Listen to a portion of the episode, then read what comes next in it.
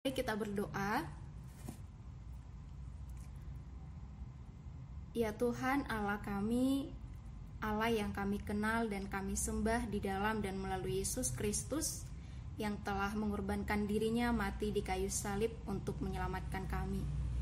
Kami memuji Engkau, kami menyembah Engkau dalam ibadah kami ini, sebab kami percaya Engkaulah Allah yang sejati, Allah yang hidup, Allah yang maha besar, pencipta dan pemilik seluruh alam semesta ini, dan Engkaulah juga Allah yang memiliki kasih yang agung, kasih yang sempurna, yang itu terbukti melalui apa yang telah Kristus lakukan untuk menebus kami dari dosa. Kami terkagum akan Engkau, dan kami rindu hidup kami bisa menjadi persembahan yang menyenangkan hati Tuhan, menjadi puji-pujian bagi kemuliaan nama Tuhan. Ya Tuhan, pada kesempatan ini bersama-sama kami mau uh, belajar dari kebenaran firman-Mu. Biarlah Tuhan, Engkau juga yang mengajar kami pribadi lepas pribadi. Biarlah Roh Kudus-Mu yang bekerja di dalam kami sehingga kami boleh dengar-dengaran kepada Tuhan Berkati hambamu, anakmu yang akan menyampaikan firman di tengah keterbatasan dan kelemahannya, biarlah kuasamu nyata, biarlah engkau yang boleh uh, menyatakan apa yang menjadi isi hatimu ke tengah-tengah kami melaluinya. Biarlah Tuhan kemuliaanmu, kekayaan firmanmu, kuasamu itu boleh kami saksikan dalam pemberitaan firman-Mu dan kami boleh mengalami kebenaran firman yang boleh meneguhkan kami, boleh menegur kami, boleh membentuk kami dan membawa kami semakin dekat kepada Tuhan. Kami menyerahkan waktu ini kepadamu. Tuhan, kami tahu Engkau yang lebih mengenal setiap kami pribadi lepas pribadi. Tuhan yang tahu perjalanan hidup kami, Tuhan yang tahu apa yang kami alami akhir-akhir ini, apa yang kami pikirkan, semuanya Tuhan tahu tentang kami. Kami mau berdoa menyerahkan semua itu kepadamu, supaya Engkau yang memberi kami masing-masing kelegaan dan juga sukacita yang hanya bersumber daripada Tuhan. Kami serahkan waktu ini kepada Tuhan. Di dalam dan melalui Yesus Kristus, kami telah berdoa dan mengucap syukur. Sila engkau Allah Tritunggal. Amin. Gelap ya?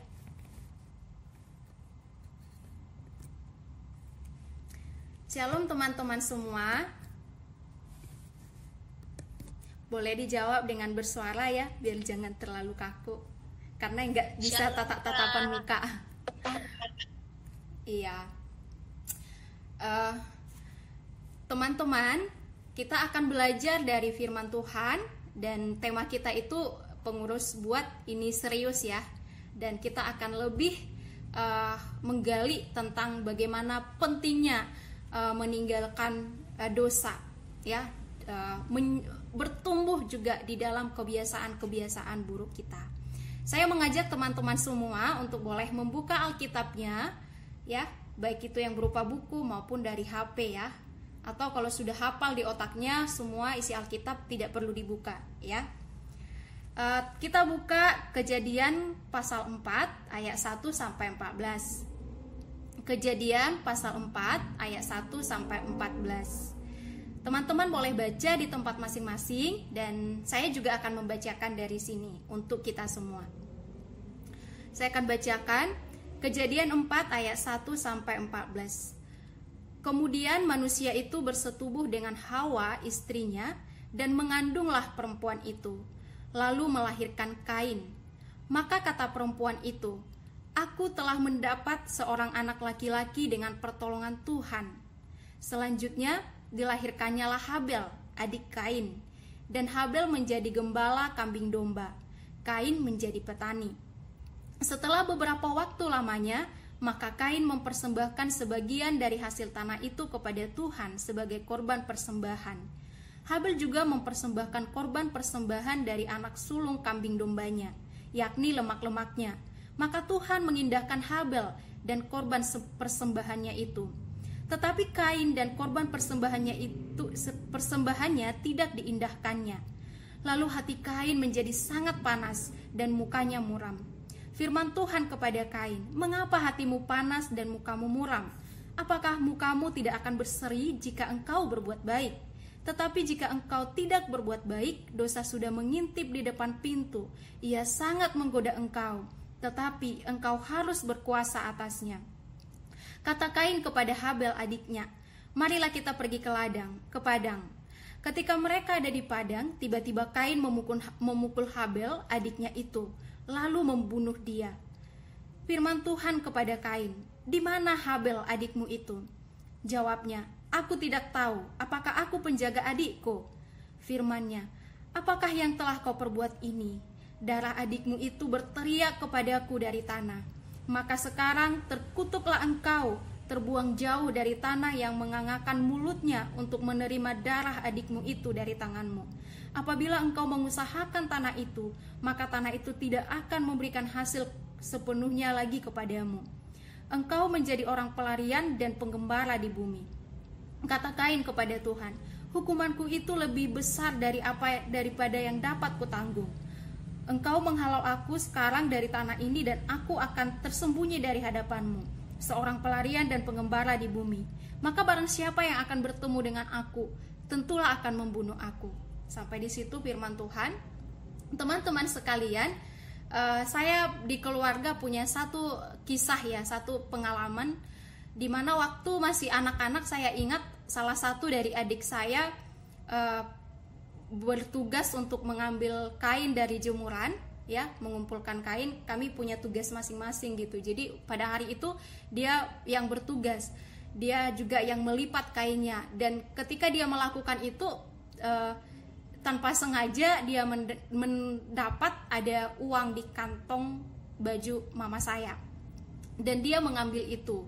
Tidak memberitahukannya kepada mama atau kepada kami. Dia mengambilnya diam-diam sekalipun dia tahu bahwa itu baju mama jadi sudah pasti itu uang mama gitu. Tapi sekalipun dia tahu itu dia mengambil dan dia uh, pakai untuk jajan uh, sebanyak 3000 jadi sisanya masih dia pegang 7000 lagi gitu. Karena jumlah uang itu 10000 nah teman-teman pada waktu itu uh, mama kami itu menanyakan kepada kami siapa yang mengambil uang dari kantongnya. Dan sebagai orang tua biasanya orang tua apa namanya feelingnya kuat ya gitu. Melihat anak-anaknya uh, apa yang dilakukan anak-anaknya gitu karena ikatan batinnya kan kuat. Apalagi kalau uh, seorang ibu itu seorang yang suka berdoa gitu yang eh, mendoakan anak-anaknya gitu hidup dekat dengan Tuhan.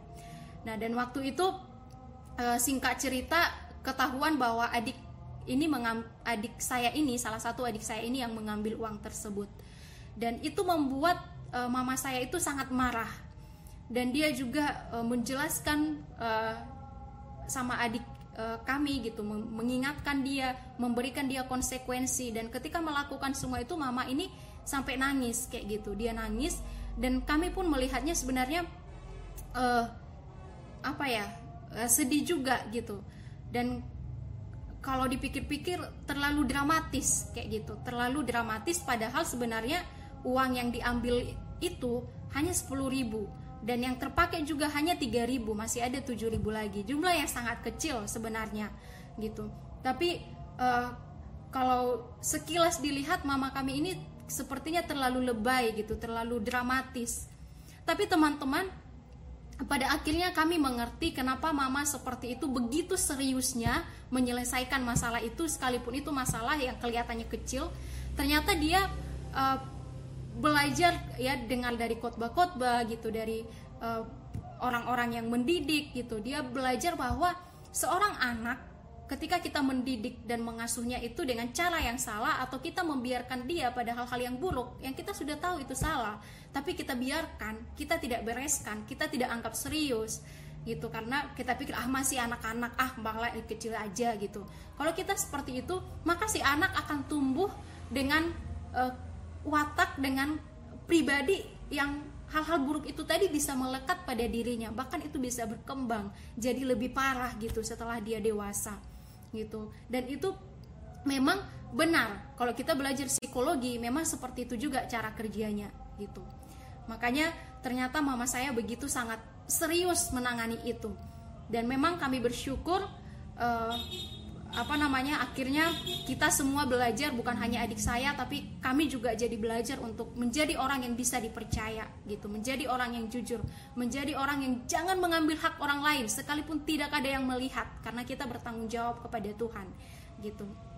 Nah teman-teman dan kalau kita melihat kisah dari uh, Kain ini dalam uh, ayat yang tadi sudah kita bacakan, kita bisa melihat bagaimana dosa yang tidak dibereskan, dosa yang tidak dianggap serius, dosa yang dibiarkan ternyata itu bisa menjadi berkelanjutan, ya, berkelanjutan dan makin parah gitu, dan akibatnya itu fatal.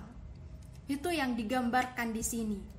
Nah, teman-teman, pertama kita lihat ke kejadian sebelumnya ini menggambarkan kejatuhan manusia ke dalam dosa.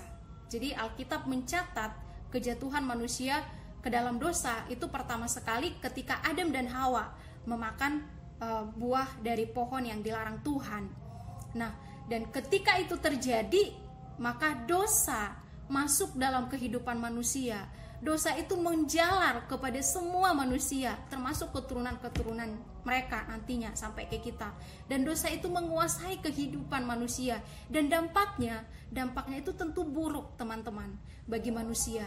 Kita bisa melihat bagaimana Adam dan Hawa diusir dari Taman Eden, bagaimana relasi mereka dengan Tuhan jadi rusak, relasi mereka dengan dirinya rusak, dengan uh, sesamanya rusak, dan masih banyak lagi hal-hal yang lain. Dan ketika itu sudah terjadi kisah Adam dan Hawa dicatat lagi di bab selanjutnya kejatuhan dari keturunan Adam dan Hawa yaitu Kain dan Habel ya. Dan teman-teman uh, di sini tidak dikisahkan tidak dikasih tahu apakah sebelum Kain dan Habel ini Adam dan Hawa itu sudah punya anak yang lain-lain bisa jadi juga sudah punya, bisa jadi enggak. Tapi di sini tidak ada dibukakan.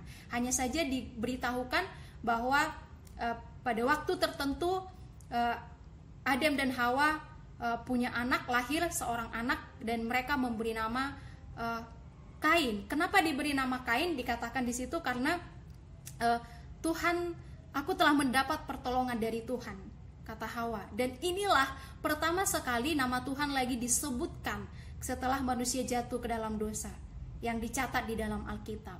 Ya, jadi ternyata sekalipun manusia itu telah jatuh ke dalam dosa dan dikuasai oleh dosa itu dan mereka uh, bergumul di dalamnya, teman-teman, ternyata Tuhan tidak berhenti untuk mengasihi manusia itu. Kasih karunia Tuhan itu ternyata tidak berkesudahan. Itu sebabnya di sini kita bisa melihat bagaimana Hawa tetap bisa merasakan bahwa Tuhan yang memberikan pertolongan kepadanya. Sekalipun sebenarnya dia sudah tidak pantas menerima itu, tapi kasih karunia Tuhan itu tidak berkesudahan kepada manusia yang sudah jatuh dalam dosa itu. Dan ini menjadi pengharapan, pengharapan yang besar bagi semua manusia yang hidupnya sudah dibelenggu oleh dosa, bagi semua kita yang sudah tersesat dan uh, menjadi budak dari dosa dan mendapatkan akibat-akibat dari dosa itu yang tentu akibat dosa itu selalu yang uh, tidak baik ya pada akhirnya. Nah, teman-teman, setelah Kain lahir dikatakan di situ bahwa uh, Adam dan Hawa juga punya anak berikutnya uh, namanya Habel gitu. Dan uh, Kain ini bekerja sebagai uh, petani ya kalau tidak salah dan Habil ini uh, beternak. Nah teman-teman uh, suatu ketika Kain ini mempersembahkan persembahan kepada Tuhan. Dan Habil juga seperti itu dia mempersembahkan persembahan kepada Tuhan. Dan tampaknya ketika mereka mempersembahkan persembahan itu ada yang berbeda dari sikap mereka memberi gitu Sepertinya Habel memberi dengan iman, dengan hormat, memberi yang terbaik dan Kain ini e, sepertinya ada yang perlu dikoreksi gitu di dalam motif dia, cara dia dalam memberikan persembahan kepada Tuhan. Dan kita bisa melihat bahwa dicatat di situ persembahan Kain itu diterima oleh Tuhan, eh persembahan Habel itu diterima oleh Tuhan, sedangkan persembahan Kain itu tidak diterima oleh Tuhan. Dan teman-teman, ketika itu terjadi, apa respon Kain? Respon Kain itu ternyata bukan mengoreksi, mengoreksi apa yang salah. Kenapa Tuhan tidak menerima persembahanku? Persembahan Habel diterima. Dia tidak mencoba menyelidiki. Dia tidak mencoba untuk rendah hati, e, mengoreksi, mengakui jika ada yang salah, meminta pengampunan, memperbaiki. Dia tidak berinisiatif untuk itu. Malah justru yang dia uh, lakukan selanjutnya hatinya makin memanas gitu dan mukanya muram, teman-teman. Jadi ada semacam iri hati, ada uh, kebusukan jadinya yang berkem, makin berkembang di dalam hatinya. Dan teman-teman, ketika itu ada Tuhan uh, berbicara kepada Kain. Tuhan bertanya, "Kain, uh, mengapa hatimu sangat panas dan mukamu muram?" Kenapa Tuhan bertanya seperti itu? Teman-teman, Tuhan bukan sedang mencari informasi ya, karena Tuhan itu maha tahu, tentu dia tahu segala sesuatu. Dia tahu sampai kedalaman hatinya Kain, Tuhan tahu apa yang diperbuat Kain, Tuhan tahu. Tuhan tahu segala sesuatu, dia Allah yang maha tahu. Jadi waktu dia bertanya kepada Kain, dia bukan sedang mencari tahu untuk dia mendapat informasi bagi dirinya, tidak. Tapi itu menjadi pertanyaan yang bisa menolong Kain untuk menyadari kejatuhannya untuk menyadari apa yang ada di dalam hatinya, apa yang dia telah lakukan. Nah, itu seperti teguran lembut ya dari Tuhan. Tapi ternyata teguran yang sangat lembut itu yang dari Tuhan itu tidak juga membuat kain ini serius membereskannya, serius menyelesaikannya. Tapi justru teman-teman kita bisa melihat bahwa uh, kain tidak ada minta ampun sama Tuhan, tidak ada mengakuinya sama Tuhan, tidak ada membereskan itu. Nah, teman-teman, di situ Kain belum membunuh Habel ya, tapi ada uh, bibit-bibit uh, dosa di dalam hatinya.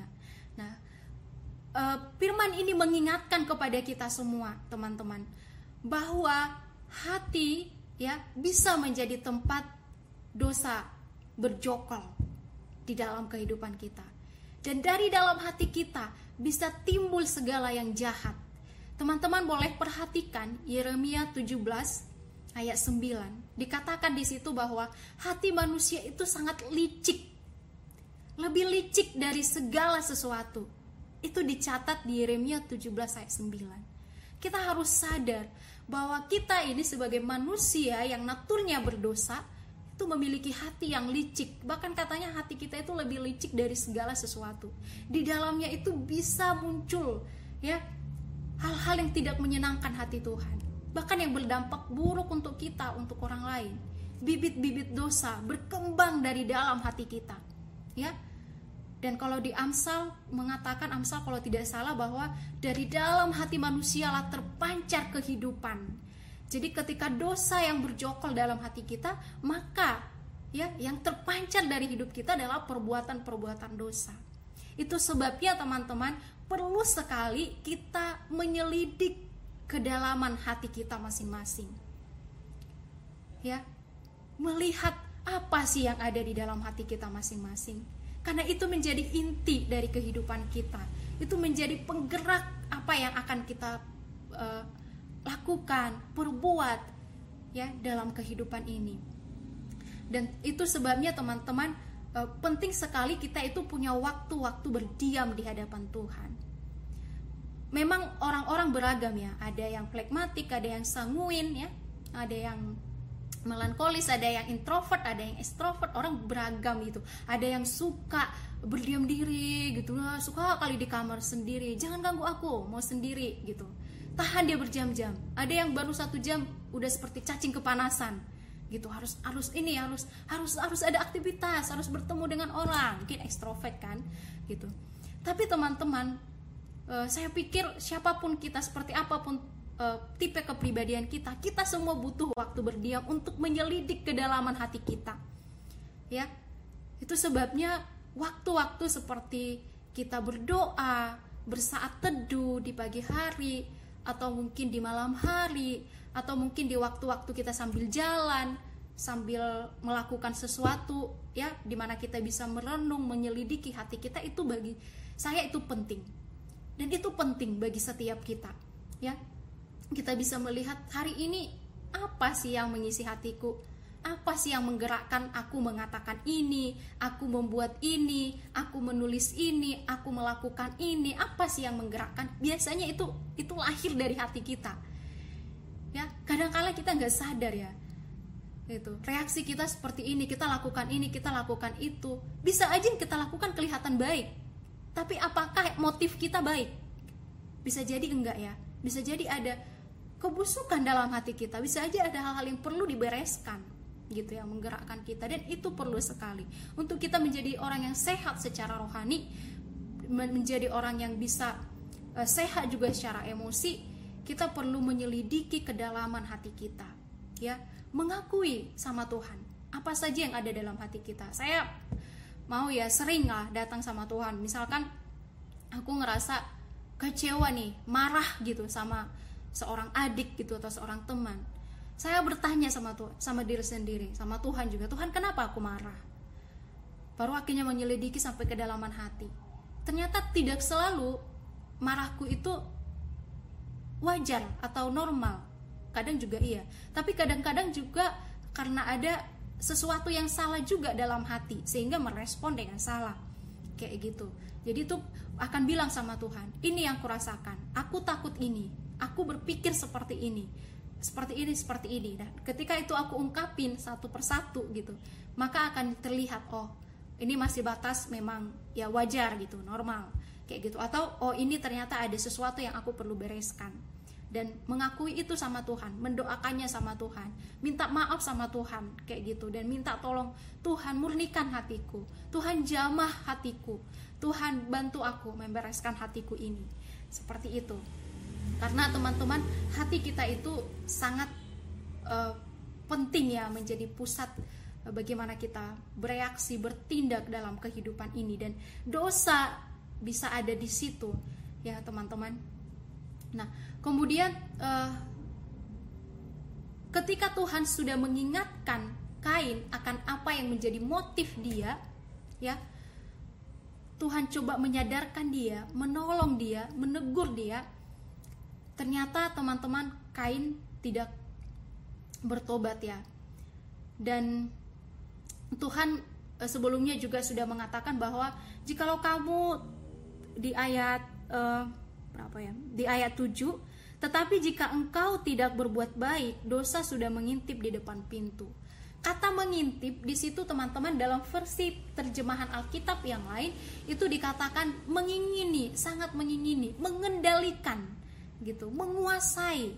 Jadi kalau kamu jatuh ke dalam dosa atau hatimu dikuasai dosa, kamu nggak bereskan, maka dosa itu bisa jadi akan mengendalikan hidupmu. Dosa itu bisa jadi akan semakin menguasai hidupmu. Gitu. Tuhan sudah ingatkan itu kepada Kain, teman-teman. Dan kita bisa lihat di 1 Petrus 5:8. Ya, teman-teman boleh buka 1 Petrus 5 ayat ayat 8. Dikatakan di sana bahwa sadarlah dan berjaga-jagalah lawanmu si iblis berjalan keliling sama seperti singa yang mengaum-ngaum dan mencari orang yang dapat ditelannya. Kita harus sadar, teman-teman, bahwa musuh kita itu ting tidak tinggal diam. Dikatakan bahwa ia berjalan keliling seperti singa yang mengaum-ngaum, yang mencari mangsa, ya. Jadi itu seperti singa yang kelaparan, teman-teman. Dan dia mencari mangsa, ya. Jadi beringas ya, dia mencari ke sana kemari. Dan kita bisa menjadi mangsanya jika kita tidak hati-hati. Gitu. Demikian ketika dosa tidak kita bereskan, teman-teman, kita bisa jadinya dikendalikan oleh dosa itu, dikuasai oleh dosa itu dan akibatnya bisa semakin fatal. Dosa yang tidak diakui, dosa yang tidak dibereskan itu bisa membawa kita ke lubang dosa yang semakin dalam. Bisa membuat kita melakukan dosa yang lain lagi, untuk menutupi dosa yang satu kita lakukan dosa yang lain lagi. Itu cara kerja cara kerja dosa teman-teman. Misalkan kita makanlah uang kuliah kita. Dosa ya makan uang kuliah. Orang tua udah mati-matian kirim terus kita makan misalkan nah itu kan dosa. Nah kita nggak mau beresin. Kita nggak mau ngakuinya kita nggak mau membereskannya kita nggak mau menyelesaikannya segera pada waktu itu. Mah yang terjadi adalah kita berbohong. Ya berbohong. Uh, kemudian kita bisa mungkin minjam dari orang orang kita lakukan ini kita lakukan itu. Akhirnya semakin semakin semakin banyaklah dosa yang kita terjun bebas di dalamnya. Gitu itu cara kerja dosa teman-teman makanya kalau kamu berbohong sekali kamu usah tutup tutupi mending kamu selesaikan kalau kamu jatuh ke dalam satu dosa jangan ditutup-tutupi atau disembunyikan. Karena ketika kamu menutup-nutupi, menyembunyikan, kamu tidak mengakuinya, kamu tidak membereskannya di hadapan Tuhan. Kamu tidak mau menghadapi konsekuensinya karena sometimes dosa itu ada konsekuensinya. Nah, kalau kamu lari dari situ, nggak mau hadapin, itu tidak menyelesaikan masalah. Yang terjadi adalah kamu makin jatuh lagi, jatuh lagi, jatuh lagi, terperangkap jadinya di situ. Ya, jadi itu yang menggerakkanmu, mengendalikanmu maka lebih baik kita mengakui, lebih baik kita uh, membereskannya, minta pengampunan, lebih baik kita hadapi konsekuensi yang harus kita hadapi, gitu, ya. Nah, teman-teman, uh, Tuhan mengingatkan juga kepada Kain bahwa dosa sudah mengintip gitu. Jikalau kamu tidak bertobat, tidak melakukan perbuatan baik, dosa sudah mengintipmu gitu. Nah, tapi kamu harus berkuasa atasnya, kata Tuhan. Ketika Tuhan bilang bahwa kamu harus berkuasa atasnya, Tuhan ingin kain itu menang dari dosa. Ya. Dan harusnya memang dia bisa karena Tuhan udah bilang ya. Kamu harus berkuasa atasnya. Jadi Tuhan ingin dia bisa menang atas dosa itu, bukan dikuasai oleh dosa itu.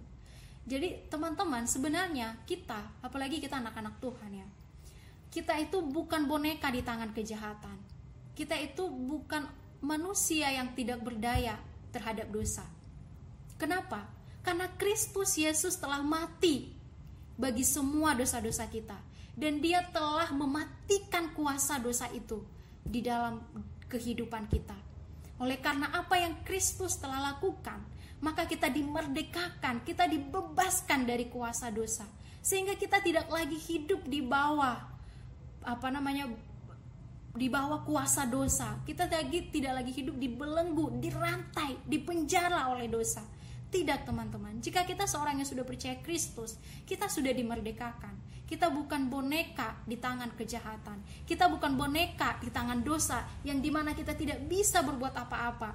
Ya, kita tidak bisa menghadapi, kita tidak bisa menang, tidak. Kamu boleh perhatikan Galatia 5 ayat 1. Sebentar saya buka ya teman-teman, Galatia 5 ayat 1.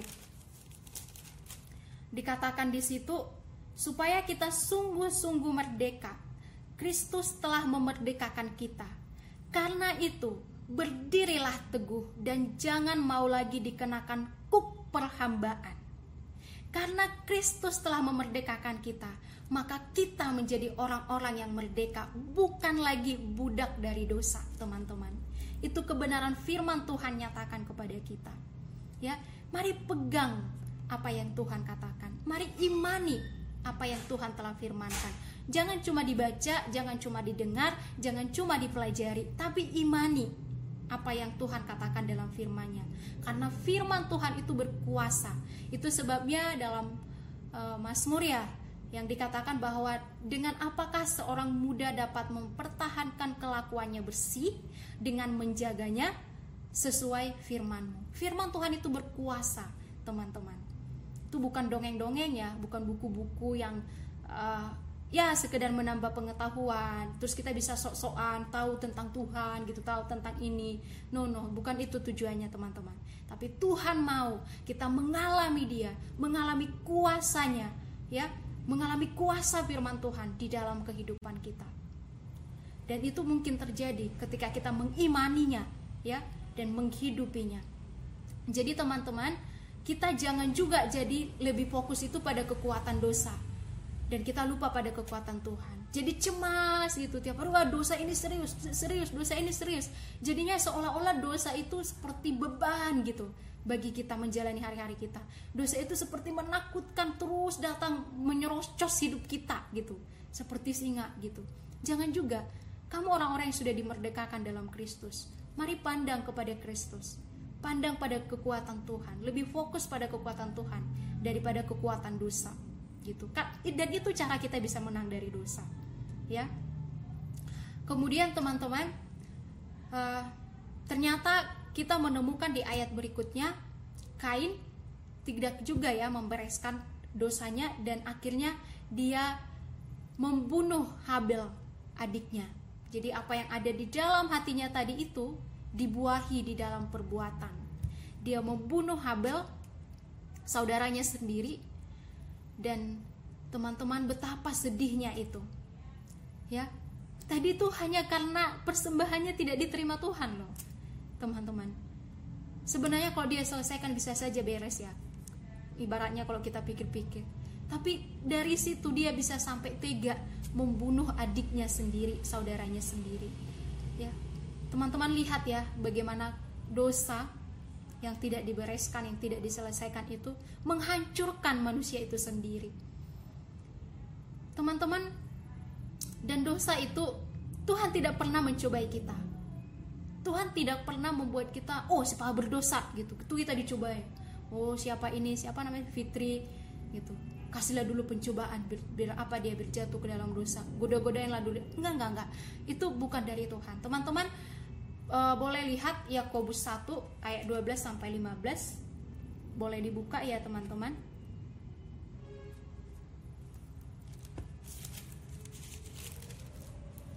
Yakobus 1 ayat 12 sampai 15. Dikatakan di sana, berbahagialah orang yang bertahan dalam pencobaan, sebab apabila ia sudah tahan uji, ia akan menerima mahkota kehidupan yang dijanjikan Allah kepada barang siapa yang mengasihi Dia.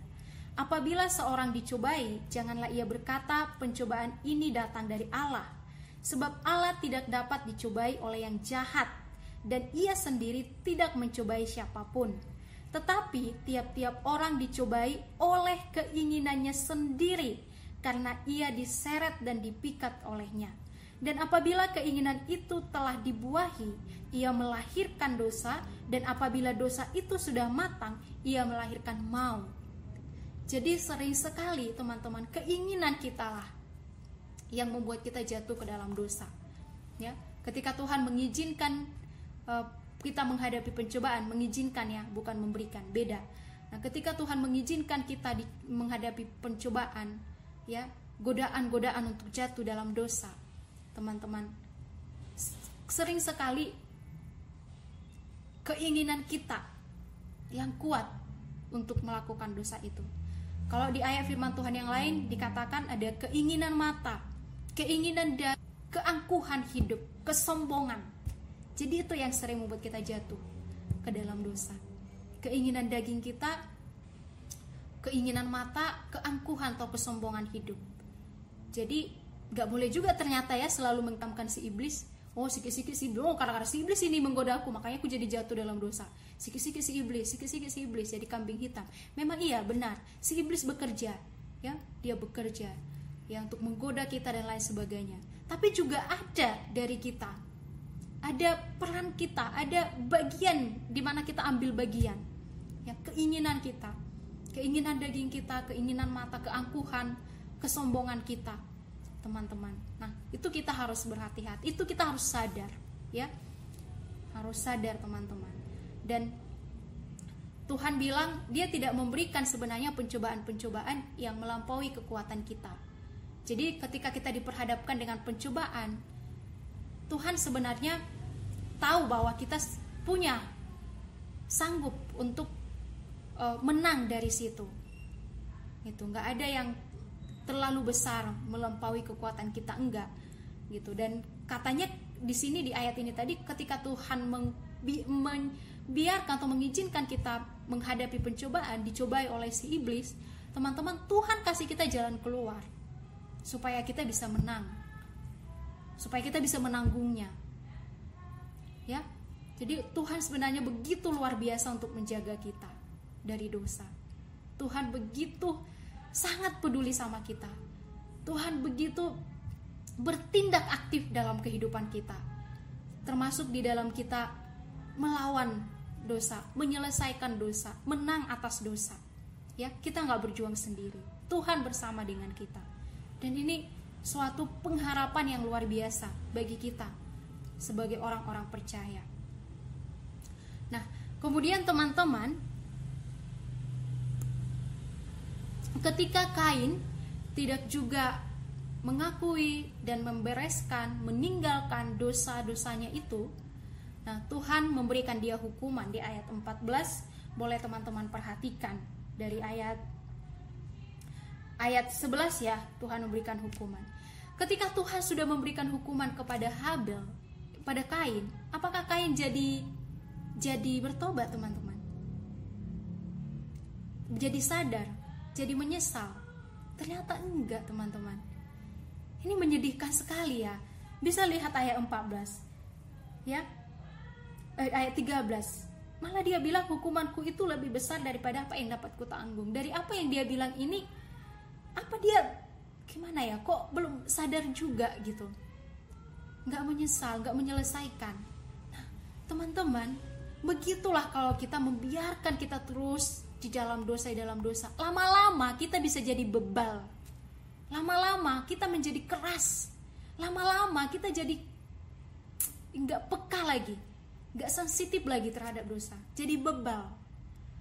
Gitu. Lama-lama. Itu makanya kalau anak-anak teman-teman. Saya perhatikan dulu di kampung kami itu ada keluarga ya. Anaknya banyak. 10 10 apa lebih gitu. Banyak anaknya dan uh, papanya itu mendidiknya itu sangat keras.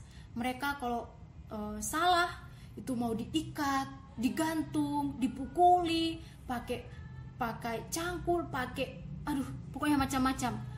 Gitu. Sangat sangat keras sekali secara fisik kepada anaknya. Sikit-sikit pukulin ikat gantung tendang gitu. Dan teman-teman yang terjadi adalah anak-anaknya itu salah satu dulu teman saya ya satu kelas. Jadi kebal jadi kalau kamu pukul dia itu nggak nggak nangis mungkin dia.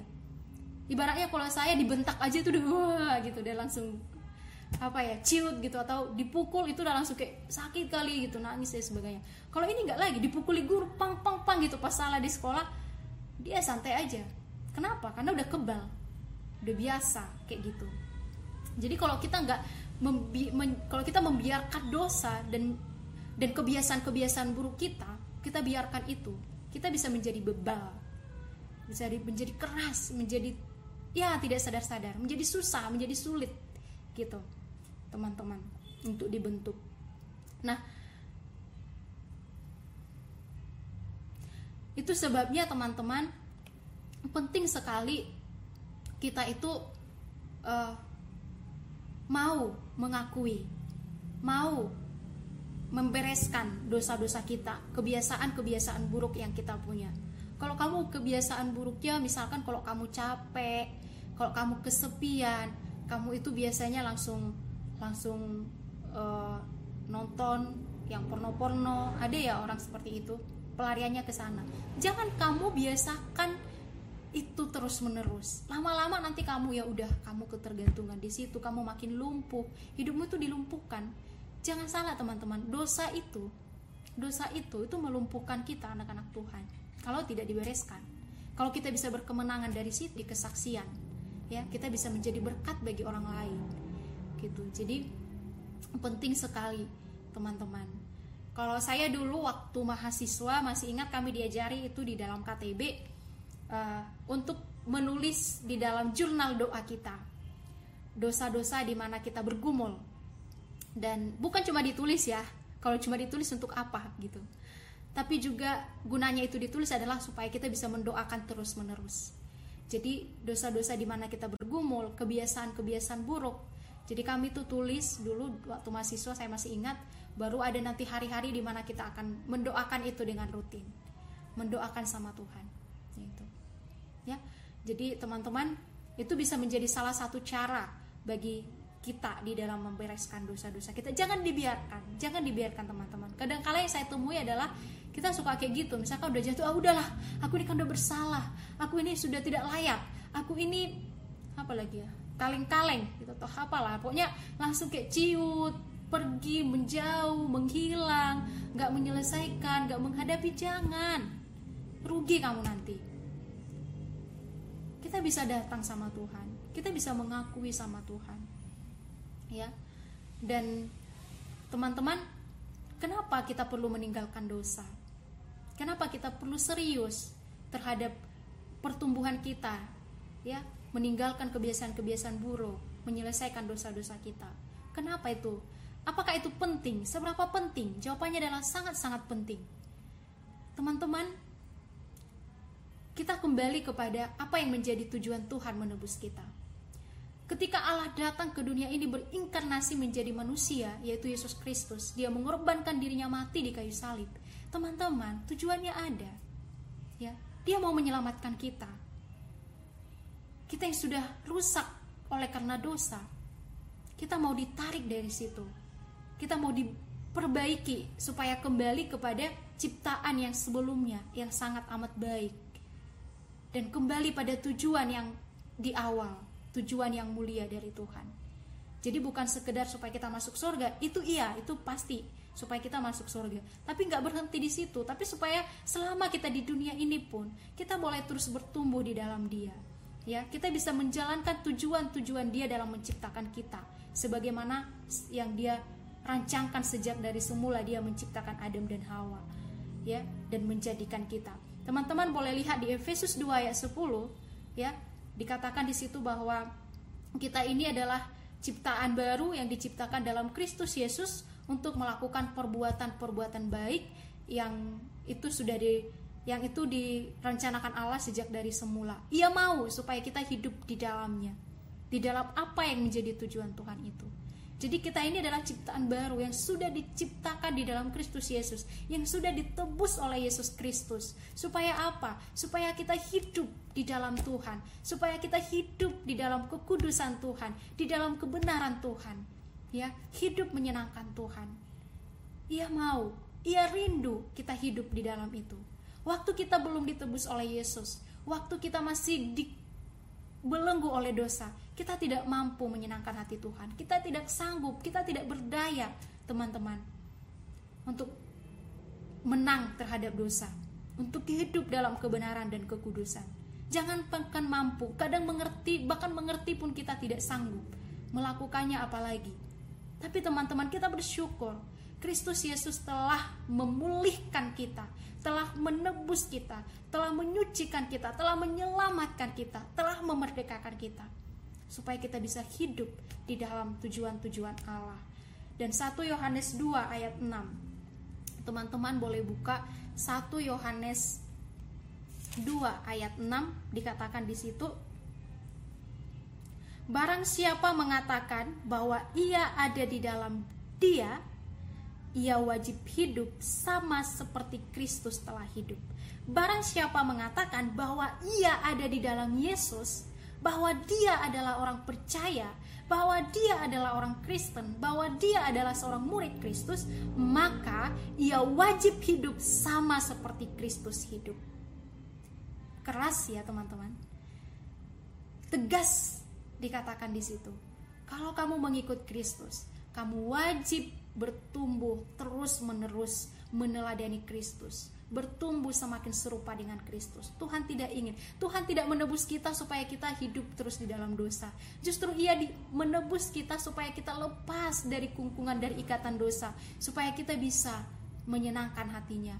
Ya, hidup di dalam kekudusannya, hidup di dalam kebenarannya, teman-teman. Dan kita yang mengatakan kita sudah ditebus, kita adalah milik Kristus, ya, adalah panggilan kita untuk hidup meneladani Kristus, untuk hidup bertumbuh semakin serupa dengan Dia. Dan teman-teman, terakhir, bagaimana ketika kita sudah terlanjur jatuh ke dalam dosa dan mungkin sudah lama dan mungkin kita merasa wah ini sudah terlalu besar, terlalu sulit untuk menyelesaikannya. Teman-teman, Tidak ada dosa yang terlalu besar yang Tuhan tidak sanggup atau tidak mau mengampuninya. Kasih Tuhan itu jauh lebih besar, teman-teman. Ya, atas hidup kita. Dan kasih karunia Tuhan itu itu memberi kita pengharapan untuk boleh kembali menerima apa namanya? pertolongan Tuhan untuk meninggalkan dosa-dosa itu untuk menang dari situ, untuk menerima pengampunan dari Tuhan. Teman-teman boleh buka Ibrani 4 ayat 14 sampai 16. Ibrani 4 ayat 14 sampai 16. Saya bacakan teman-teman, mari kamu hayati dengan sungguh-sungguh ayat ini. Karena kita sekarang mempunyai imam besar agung yang telah melintasi semua langit yaitu Yesus, Anak Allah. Baiklah kita teguh berpegang pada pengakuan iman kita. Sebab imam besar yang kita punya bukanlah imam besar yang tidak dapat turut merasakan kelemahan-kelemahan kita. Sebaliknya, sama dengan kita, ia telah dicobai, hanya tidak berbuat dosa. Sebab itu, marilah kita dengan penuh keberanian menghampiri tata kasih karunia supaya ia supaya kita menerima rahmat dan menemukan kasih karunia untuk mendapat pertolongan kita pada waktunya. Teman-teman, ini adalah firman Tuhan. Ini adalah janji Tuhan.